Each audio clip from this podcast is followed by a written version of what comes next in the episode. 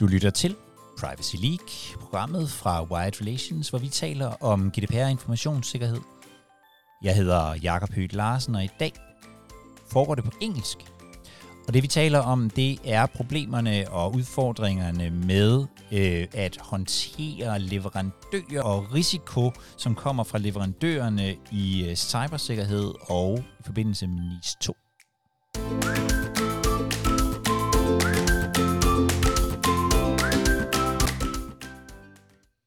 And I'm here today with with you, Jan Lemnitzer. Welcome to uh, Privacy League. Thanks for having me. Assistant professor at the Department of Digitalization at Copenhagen Business School. Today we'll be discussing um, NIS2. Uh, but I was wondering, you have a background in international politics and history with research on cyber norms and cybersecurity and international politics have you changed a little bit your focus to include private businesses and mm. cybersecurity mm. as well? Mm, it's actually very logical if you if you look at the starting point and what you want to achieve. So my research was always on uh, national security, international relations, and I was especially interested in uh, how states cope with an uncertain international environment. So I was a mm-hmm. bit uh, um, 10, 15 years ahead of my time when I started my work, when uh, everybody talked about how stable the post Cold War world is. And I thought, actually, no, it isn't. And that's what I'm interested in. And uh, um, at some point, I started, like, probably 2016, 2017, I started to focus on, on cybersecurity as the one area where the international community really doesn't have an answer for what's going on. Um, both on how do you deter states that are determined to use this leverage uh, to uh, put pressure on other states, and also from the perspective of uh, it's the one area where both the networks we want to protect and the means of both offensive and defensive cyber are in private hands, and private corporate hands. Very little of what you could call power in cybersecurity is uh, is uh, in in state hands.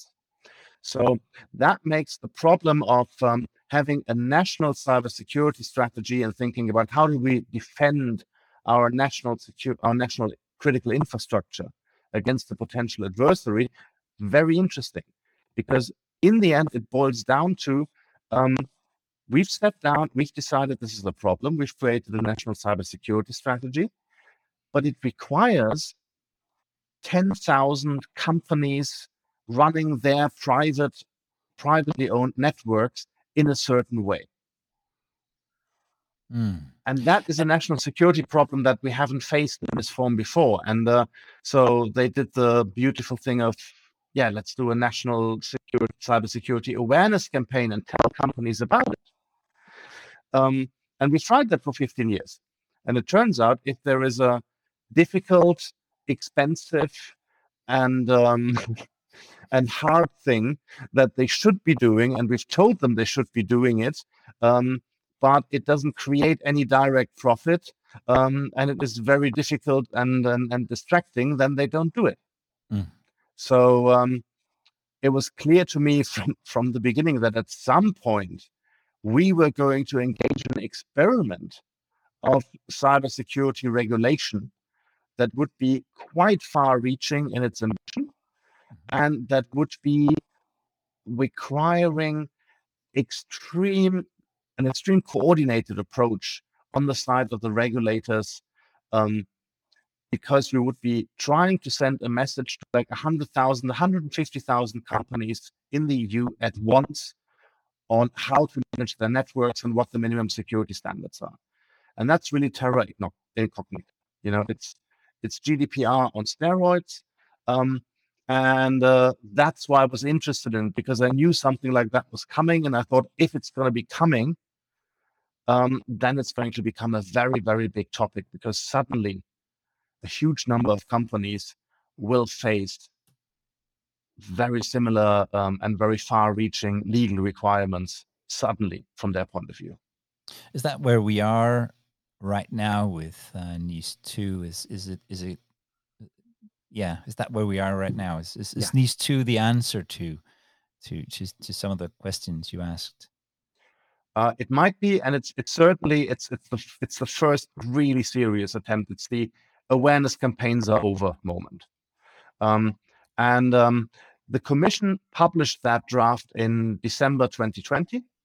And I remember when it was launched, I was actually in the live stream, um, looking at what they published, and I thought, wow, this is far-reaching. This is a quantum leap from NIS one, which was uh, gentle, nice recommendations on what you might want to do if you are uh, critical infrastructure and run a company uh, network. Um, this is now okay. We have decided you are critical infrastructure. Here's a list of things that we absolutely expect you to do, and if you don't do them, we'll fine you and we'll hold the managers who are responsible for not doing what we want them to do personally responsible. So quantum leap in terms of approach. Um, and the expectation at the time among experts um, was that this is going to be watered down.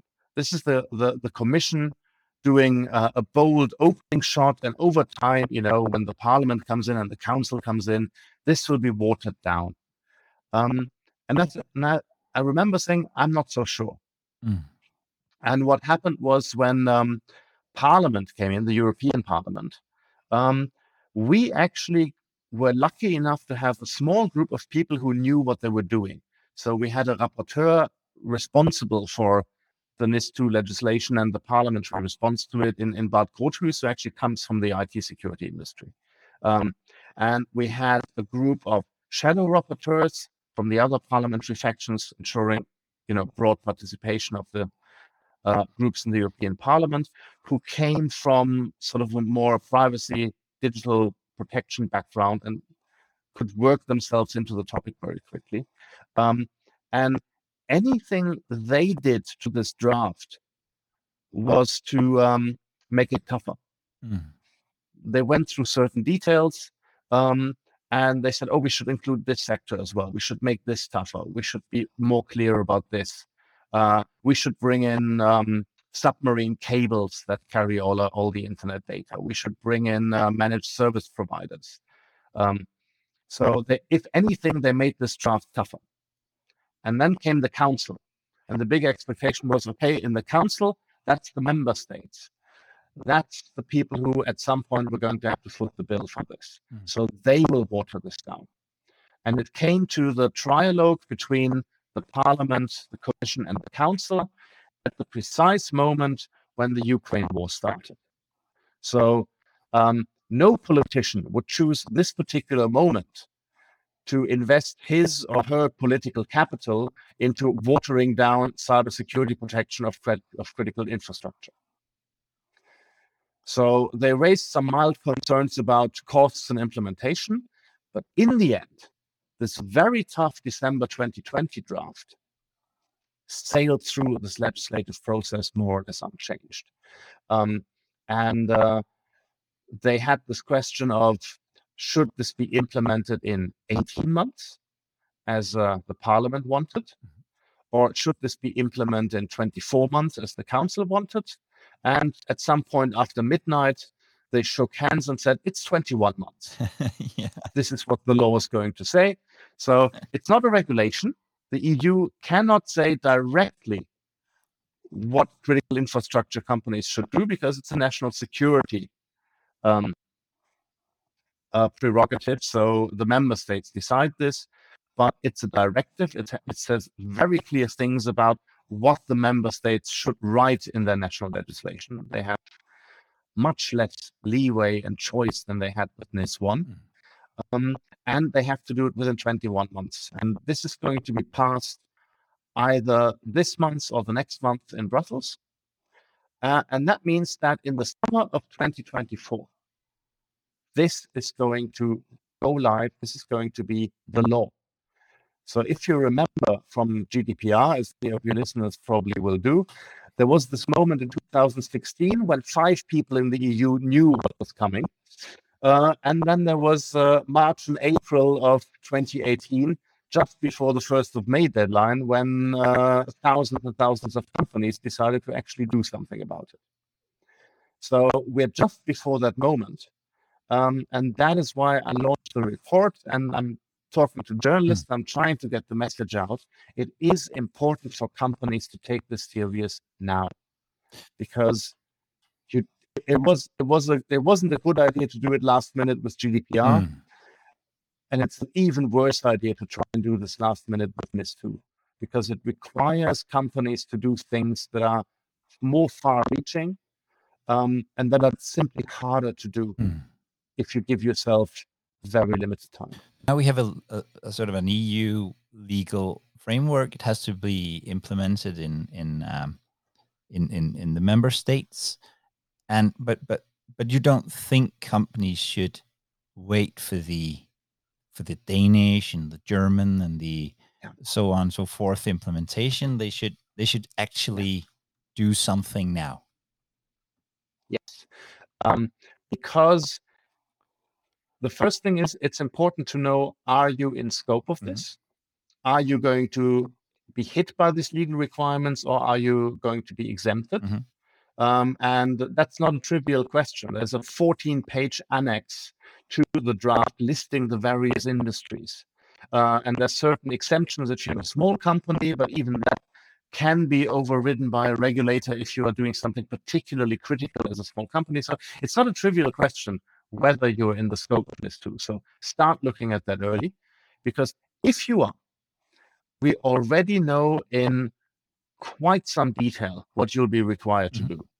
Um, and you will be required to follow certain best practices in how your company manages cyber risk, uh, how you look at your supply chain for cyber risk, how you secure your network, um, how you have set up your incident response planning, how you're doing your backups, and um, how you will be reporting anything that happens to you, uh, knowing which regulators to turn to and in what time frame. That is very detailed, very clear, and the national regulators will not be able to uh, go very far from from what this directive is setting. So it's already possible to start preparing, even without knowing in precise detail what this uh, national legislation is going to say. And if you are outside the, if you're outside the scope of the directive, yeah. could you, could you then just breathe a bit more free and and and, or or will will there be sort of um, um, casualties among those as well? There might be. I mean, you, of course, you are you are not directly in touch with the regulator that could fine you if you don't do certain mm. things. So yes, you breathe more freely, but what this directive will do, it will it will change the environment in businesses when it comes to uh, cybersecurity and how businesses talk to each other, because the the companies that are in scope of NIS2 will be required will be required to demonstrate that they are looking at the cybersecurity risk posed to them by their mm-hmm. suppliers. And that means a lot of companies, a lot of large companies will have to go through their entire supply chain and ask these companies to demonstrate that they are a safe cyber yeah. risk. So even if you're not in scope, if you are delivering to a company that is in scope, sooner or later, this company will ask you, what is your cybersecurity policy in mm. your company? Um, what standards are you following? Um, do you have a score from a rating agency? Um, please tell us how exactly you are managing cyber risks so we can be sure that you can be one of our suppliers. Um, and if you say, well, I'm a small company, we have no one who knows anything about this, we're not, we're just not going to do this, then that leaves the decision to the large company that you're supplying to either say, yeah, well, whatever, we're going to take the risk with the regulator and keeping you on, or we're going to kick you out of out of the supply chain and work with a company that will just send us these yes. documents. And this is actually a good segue, I guess, to what we were planning to to discuss today, because you have you've just released a a, a, a paper, um, yeah, following up on on or or presenting the three workshops that you did with um, mm-hmm. with uh, experts and and uh, in in in all mm-hmm. areas um, on the mm-hmm. challenging. What, what was the most challenging, uh, or what would be the most challenging part of the uh, implementation? Yeah. And and what what what did you find? What what is the most sort of challenging part of uh, of the implementation as as the experts um, saw it? Yeah. It's it's exactly this this supply chain problem that we talked Yeah. about. So just to explain what what these workshops were, um, once we once we realized that this very tough draft is going to sail through more or less unchanged, it became possible to predict that this is going to be a Mm. big one in terms of cybersecurity regulation. So what um, what I did was to assemble experts who work with this kind of legislation, with this kind of cybersecurity um, compliance day to day in big regulated companies, um, and ask them, okay, you have worked with this kind of regulation, regulatory interference, with these kind of requirements day in, day out for 10 years now. What would be your advice to companies who face this Yeah. for the first time? Um, and um, the surprising thing was that it wasn't so much about getting the board in, because at some point boards understand this is this is regulation, you just have to deal with it. It wasn't so much about getting the right policies in, because you know you can buy a consultant who comes in and writes these documents Mm. for you. Um, the real problem is monitoring your supply chain Yeah. because that means you have to take a long, hard look at who is supplying you, what precise risk are they posing to you from a cybersecurity perspective, who has access to Mm. your networks. Um, and when you have established who has access to your physical side or your networks directly, um, how can you make sure that the cyber risk they pose to you is well managed and you can turn around to your board and say, this is responsible what we're doing here.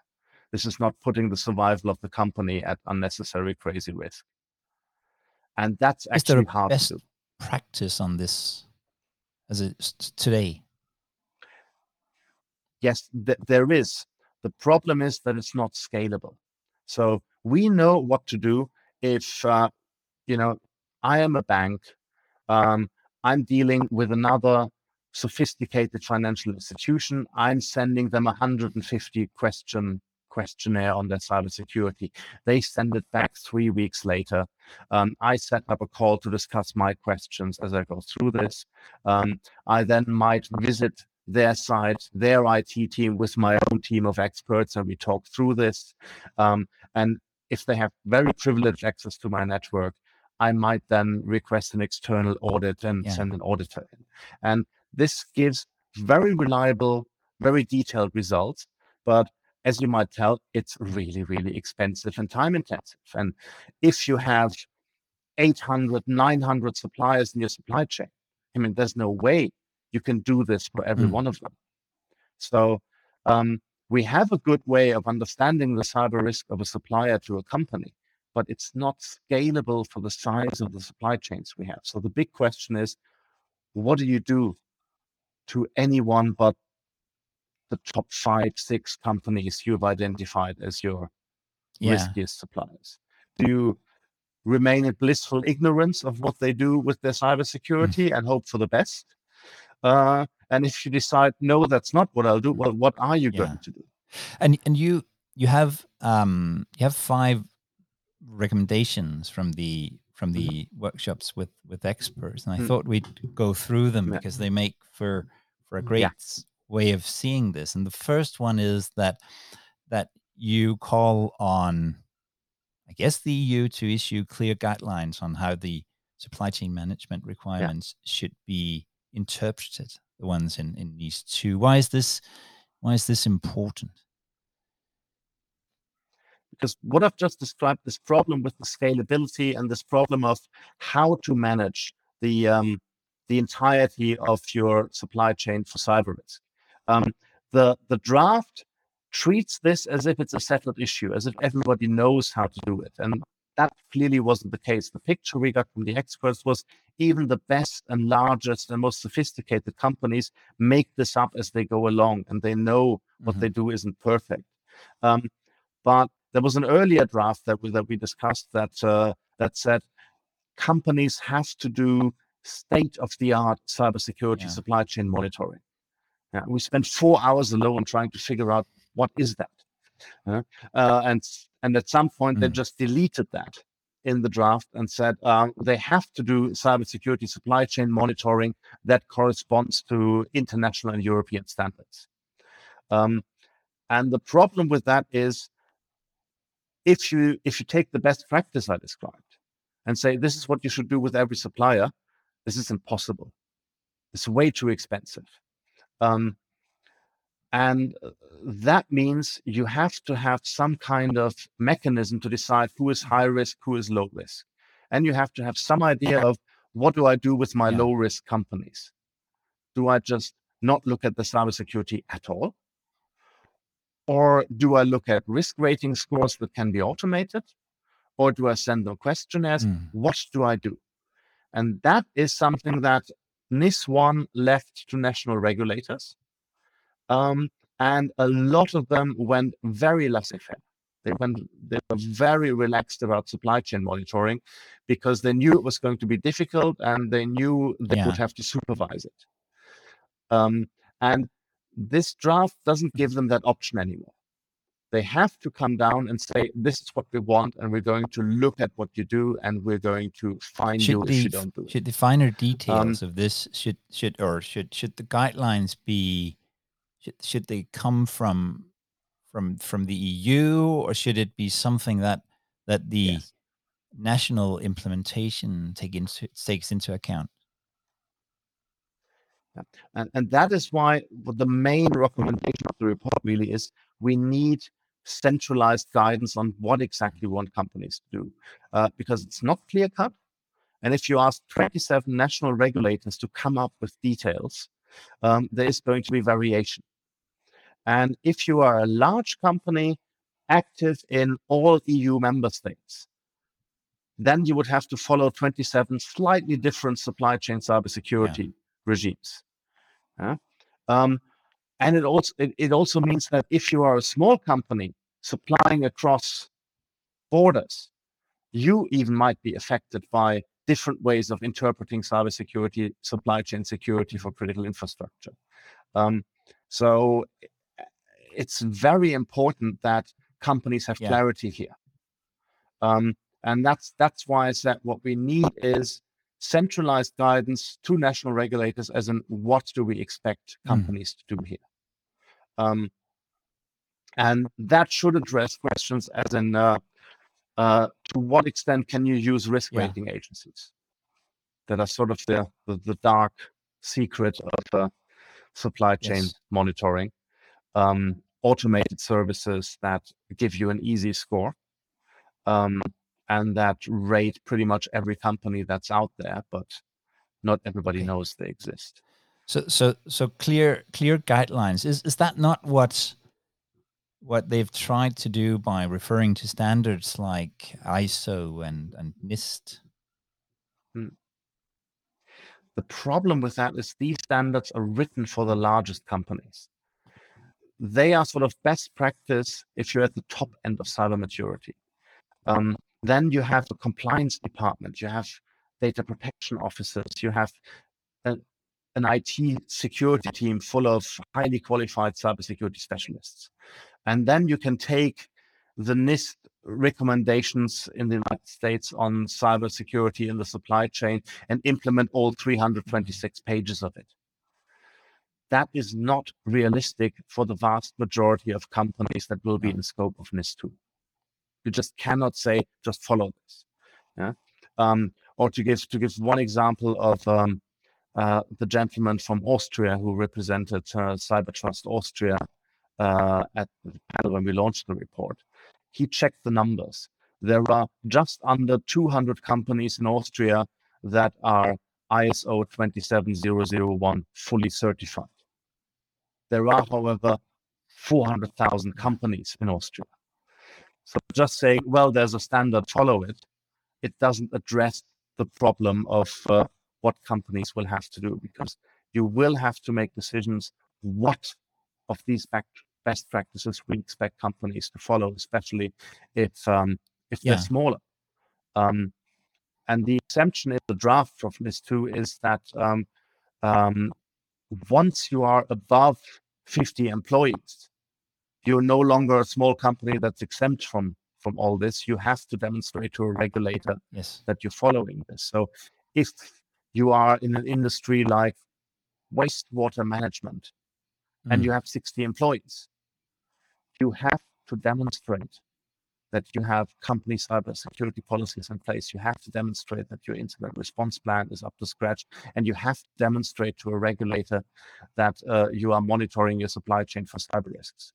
But that company will not be able to follow industry leading practices in the same way that, say, Nordea and Danske Bank yeah. are doing. So we have to have some guidelines uh, beforehand on what we expect these companies to do so they can follow it. Yeah. Um, because if we leave that to the last minute in terms of guidelines from the regulators, then um, we're setting them which, up. Which takes us to what is actually your recommendation three. So I'll come back to the to the to the second one that mm. that that you you are mm. suggesting that that um, a new IT security standard specifically for uh, small and medium sized enterprises be um, be created. Who should who should do that, or who could do that? Ideally, ideally, uh, a government that is also in touch with their NIS2 regulator. Um, so there's always one authority in every EU member state that is responsible towards Brussels mm-hmm. for implementing NIS2. Um, in Denmark, it's it's the Ministry of Defense. In other countries, it's the Ministry of the Interior. Um, and if this authority says, if you follow this new IT security standard for small businesses, then from our point of view, you fulfill the mm-hmm. requirements of NIS 2. Uh, because the problem right now is uh, I'm not the first one to come up with the idea we need a new IT security standard, especially for small businesses. And in Denmark, for example, they've yes. launched uh, DMARC. Yeah. Um, but the problem for a small company is if you invest in following a new standard, will you mm. get any benefits out of it? Yeah. So, as far as I know, there's a handful of companies that are DMARC certified, and the vast majority of companies in Denmark are not. So if you're a small business, you're struggling with the after effects of Corona, you're struggling with your energy bills, why should you put money and resources hmm. aside mm. to follow DMARC? What's the benefit? Whereas if you use this opportunity and say, now a lot of small companies in critical infrastructure will have to follow certain cybersecurity standards approved by regulators, and they don't know what they are.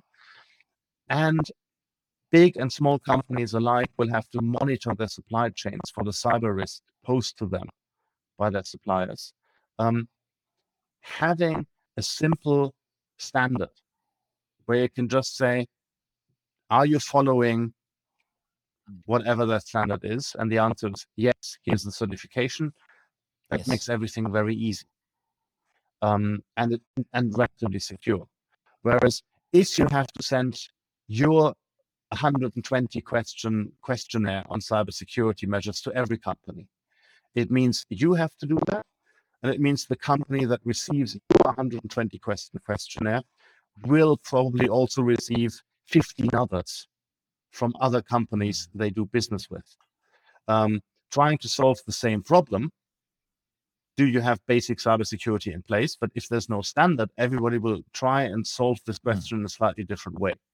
And that means you have to fill out 1500 question questionnaires instead of just saying, yeah, I'm following the standard. Um, and the UK has tried to do something similar with, with the Cyber Essentials standard with some success. Uh, because, for example, uh, the insurance industry has said that um, if you follow that, put you on a fast track with, with your yeah. cyber insurance application because we know certain things are, are dealt with and in place. And uh, that is what we need um, in all the member states, in Denmark, in Germany, everywhere else, so that small companies know it is worth investing in following this basic standard because A, it's designed for us. It doesn't ask us to do the impossible. It doesn't require a compliance department or a, you know Yeah. things we just cannot do. And at the same time, if I get this certification, everybody in the marketplace around me will know what this is and I'll get credit for it. You know, I can get through the documentation requirements that my big customers have for the supply chain because they know what this is. They know I'm Yeah. certified. This is a good thing. Um, and in that way, um, we might make it easier for everyone because there's clarity. And also, we might actually lift up cybersecurity in small companies tremendously. And uh, in IT security, that's Mm. that's the open secret. Cybersecurity in small companies Yeah. is a problem. The vast majority of them doesn't do it very well, or doesn't even do it to a standard that protects them from the risks they're facing, even as small companies. So, so um, so so the so the the, the pull for better um IT security in small and medium sized businesses could be having having a standard combined with the fact that they will be able to to still Hmm. um, supply um, their services to uh, bigger companies uh, within the NIS two space. The pull will come from um, their biggest customers. You know, as a small business, it is reasonable to say, well, I've read about this ransomware epidemic. I've read about cybersecurity being a big issue, but you know, there's 80 people here. None of us has any deep understanding of cybersecurity. What do you want me to do?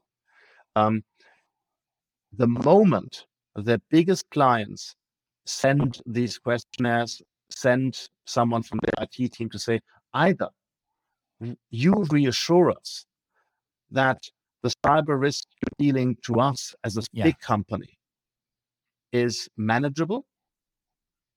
Um, and then you'll will keep the business relationship, or you're just telling us that cybersecurity is something that you just don't have on your radar, that you're not capable of looking at.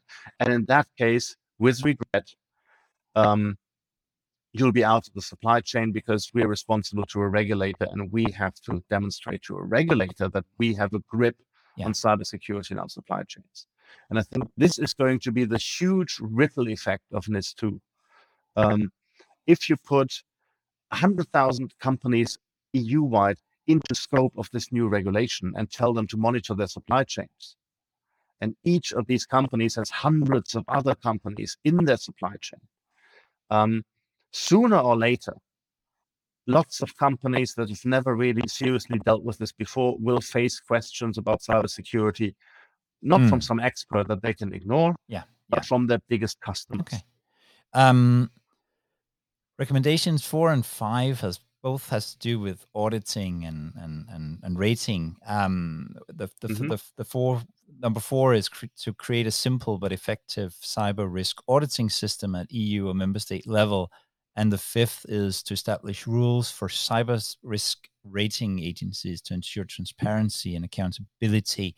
Yeah. Um, this is, is these both have to do with somebody coming in from the outside to to audit and and and, and rate why Mhm. is why is this important Uh, let's let's go into full nerd Yeah. territory on these rating agencies because uh, that's something I've been I've been looking at for the last uh, two years now, and um, it's they're not really talked about. Um, but on the positive side, they solve this scalability problem in trying to understand the cybersecurity level of your business partners. You cannot request an audit for everyone. You cannot send your own team on a site visit to everyone, but that means you have no reliable information for the vast Mm. majority of companies you do business with. And that is where these risk rating agencies come in and say, we have an automated technological solution for that, which is great. Um, and they they do what's called sort of Mm. outside in monitoring. They look at what does this company look like on the internet? Um, how are their ports configured? Like what are their port configurations? Uh, what is their patching level? How many open vulnerabilities do they have? Is there a well-known exploited vulnerability from two years ago that they still haven't patched? That tells me something very important about how cybersecurity is managed in that company. Um, And that means if you have a very low score in the leading risk rating agencies, then probably there's something going very wrong with your cybersecurity. Yeah. Um, and that's the good thing because it's a very cheap, it's a very scalable solution. You can actually, with one of these software platforms, monitor hundreds of companies in your supply chain. It's very easy to identify who is the one with the real red flag. So you can weed out the the weak link, the really weak links. Exactly. Yeah. Um, the problem is how reliable is the info that they give you, and um, how reliable is it if you have like an okay or very good score? Does this company really have the cybersecurity risk handled? Um, and in that way, um, many of your listeners will probably know how credit rating financially works in the United States, where you have the system where there are a small number of private companies, they do credit rating, um, and the score you have with these companies determines whether you'll get a mortgage, how your bank will deal with you. And that means you are, as soon as you're adult and you understand how the system works, you start managing your score. You're, Mm. you're getting a credit card even though you don't need one. You're, you're doing certain financial transactions because you know they're going to implement the score, they're, they're going to affect the score. And you need and you want to have a good score. Um, and we're seeing companies starting to do that with the cyber risk rating scores.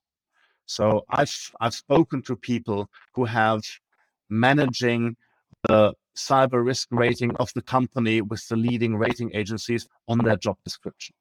So you try to to sort of game the system. Yes, yes, and uh, because um, especially if you are a customer of one of these companies, they send you a report about this is how you look through our algorithm, Mm. um, and this is what our algorithm measures, um, and uh, this is what it's looking for. So if you work on these areas, this will give you immediate benefit. Um, and other areas that the system isn't measuring will get less attention. Yeah. Because they happen inside the company and they cannot be monitored by these tech companies. Um, and this can have quite absurd results. So, for example, if you have a sophisticated IT security department where some people are engaging in private threat level research and they run their own honey, honeypot, Mhm. a risk rating agency will see, oh, I have found uh, a server that is connected to your company that shows very poor IT security. Mm. This is why I have significantly reduced your rating. So just by switching off that honeypot, I can improve the rating of that company. Yeah. Um, and it it- it- actually works the other way around. exactly. Yeah. Um, So in that way, um, they they look for certain things, but um, it it has limited value of what precisely is going on with cybersecurity in that company. I know nothing about how serious the board takes cybersecurity. I know nothing about whether staff are trained in basic cyber hygiene. I know nothing about network segmentation or how the network is managed internally because the rating agency will not be able to tell me that. Yeah. Um, so it's important to look at what do they see.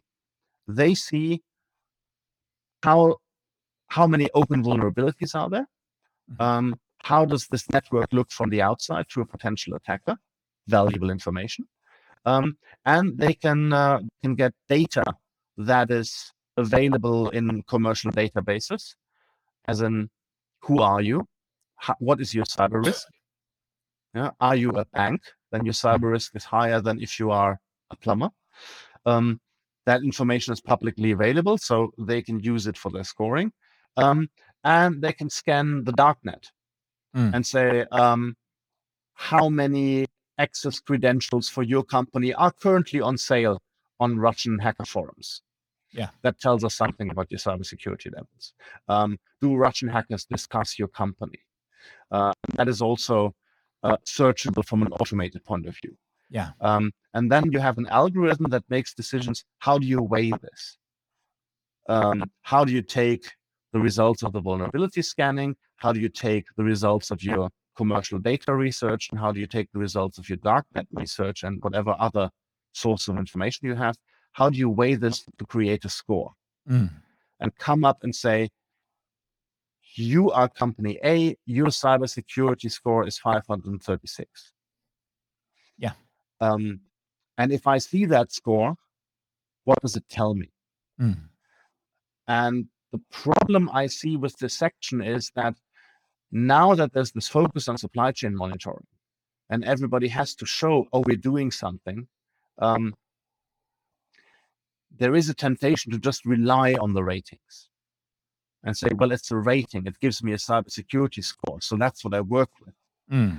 Um, and uh, the example I always use is like if you're a board member, you know, and you have first you have the guy from the IT department uh, who gives you a 20 minute lecture how complex cybersecurity is and how everything is difficult, and then you have the risk manager walking in who says, "Well, we used to have a score of 500, then we invested money, and now we have a score of 700." Um, and the board is going to say, "Yeah, I like this kind of cybersecurity much better." yeah, makes sense. is um is the is is an an EU based or or, or member state based um risk auditing system is that the answer to some of these problems? It could be one answer, and uh, it's in the report because when we looked around for experts and we looked around for what is happening in the EU, um, the uh, I have to admit, as as a German, I'm slightly prejudiced. Uh, um, the surprising finding was that the country that is at the cutting edge of thinking about this is Austria. Mhm. That came as a bit of a surprise. We didn't have Austria at the beginning as uh, the country most likely to uh, to implement um, clever solutions uh, uh, years ahead of when they would need them. But that's what they've done. Yes. Um, and they came up with this idea of, well, we know there is this risk rating uh, technology and there's these agencies around, but they're all American startups and we have no, no control over what they do. And we have a well established private company that's done com- corporate credit ratings in Austria since the mid 19th century. Um, so why don't we give them a nod and say, why don't you give us a reliable countrywide cyber rating? Um, and they partnered up with a cybersecurity startup that had vulnerability scanner in place and that could give them a basic version of this kind of rating technology. And they combined that with their century of experience in financial credit rating, saying, okay, we know how to rate companies. It's just a new area that we need to look at. Um, and then they said, okay, we need, they came up with the same problem that we talked about before. You need a basic standard that you can turn to a small company and say, this is what we expect, without the demands being crazily above what they can actually deliver. Mm. So they had the leading CISOs and cyber uh, security officers of the leading companies in the country in one place and said, give us a short question. I give, you only have 25 questions. yes. You're not going to get 150. You're only getting 25. So choose well. What are the 25 information points you want to know about the company in your supply chain? Mhm. And that's what we're going to ask. Okay. And we're going to ask every company the same question. Um, and we're trying to get everybody through the same process. So it's this demand for a simple standard for small companies that I talked about earlier, combined with an auditing system at national level where everybody in the country knows this is what is used by critical infrastructure companies to look at their supply chains. So if I'm rated by these people, this is a rating many potential or existing com- uh, customers will recognize. So it's worth the effort. Okay. And that is what they've been trying to set up. And uh, that might be a very, very clever thing to do um, before NIS2 comes into force because it creates that level of certainty for everybody in the market. Mm. And you don't have to exactly like the Austrians did it. Um, but if you have some kind of mechanism in place, it means you're not expecting the marketplace to figure this out. And the problem with this kind of cybersecurity monitoring is that, um, you know, we've left this to the marketplace for 15 years. And the marketplace decided uh, this is hard, yeah, this is expensive, and we don't have the specialists, so we'll just ignore it. Yeah, so the moment you introduce regulation to something that the market hasn't provided, um, you should also give companies a hand and say, this is what we expect you to do. Yeah. What what should what should companies out there do now? What what would your rec- uh what's what's sort of the first step? regarding this too, mm. the first step is find out if your industry industry is going to be in scope of this. Are you going to face a regulator for the first time that will come to you and say, prove to us that you have your cybersecurity risk managed according to the standards we set. Mm. Know, if that letter from the regulator comes as a, as a surprise to you two years down the line, yeah. it will be very difficult to catch up. Uh, and you'll be in all sorts of trouble. So find that out now. Yeah. Um, and the second message on, on cybersecurity risk in general is uh, to understand that no company is too small to be hit by ransomware. This is this is working as, as a professionalized industry. They're hitting everyone everywhere. Um, as long as they can think this company is large enough to send us some Bitcoin, uh, they'll attack it. Yeah, mm. they don't care. Um, so think about how hard is it actually to hack our network? Do we have multi-factor authentication in place? Uh, do we have network segmentation in place? Do we have any backups in case we have ransomware tomorrow? Um, or the very first thing a company should do, and a surprising number of companies don't do that at all. What hardware do we own and run? What software do we own and run? What software that we don't know about are my employees running on corporate machines? That's the first thing. That's that's your attack surface. Mm. Um, and it's these kind of things that, in effect, the regulation also asks you to do. Yeah.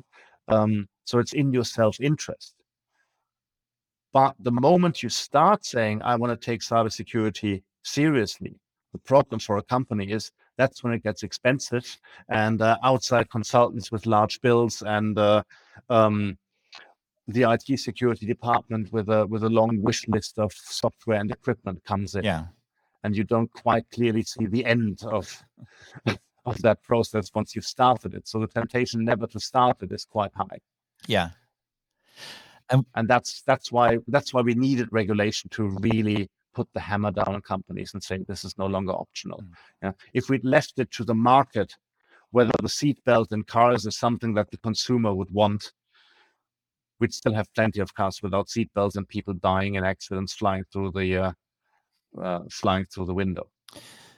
And we're we're at that point in cybersecurity where um, the state fundamentally is going to come down and say what is the way it's been run, especially at small company level in the last 15, 20 years is over. Yeah. And when it comes to um, managing your supply chain and, and, and all of your suppliers, there's a lot of good information in the in the paper that um, that you wrote, Jan, and uh, I'll, mm. uh, I'll I'll put a link to it. I think it's up at uh, Copenhagen Business School uh, at the Copenhagen Business School website. Um, I'll put in a link to it. There's a lot of good information, not only on the sort of regulatory and and and the the, the, the mm. political stuff, but there's a, a, lot of good information also on on um, on on the sort of uh, environment of of rating systems and and uh, auditing and, and stuff like that. A lot of good stuff there. Thank you for for putting that together for us. Yeah, that was that was the ambition, trying to put something in there that that you cannot download from a government website, mm. that you cannot find in an academic paper, uh, but that is but that is really the knowledge that leading practitioners have, but distilled in a eight-page paper that everyone can read. That's what we try to uh, that's what we try to do here. Yeah, thank you, and thank you very much for uh, going going through it with me today. Thanks for having me on the on the podcast. Har lyttet til Privacy League, programmet fra Wired Relations, hvor vi taler om GDPR-informationssikkerhed. Og hvis du gerne vil have GDPR-informationssikkerhed inde i dine ører så ofte som øh, muligt, ja, så skal du abonnere på det her program Og det kan du gøre ved at trykke på abonner, eller hvad det nu hedder i den podcast-app, som du bruger. Vi kommer i dem alle sammen, og så håber jeg, at vi ses og høres ved.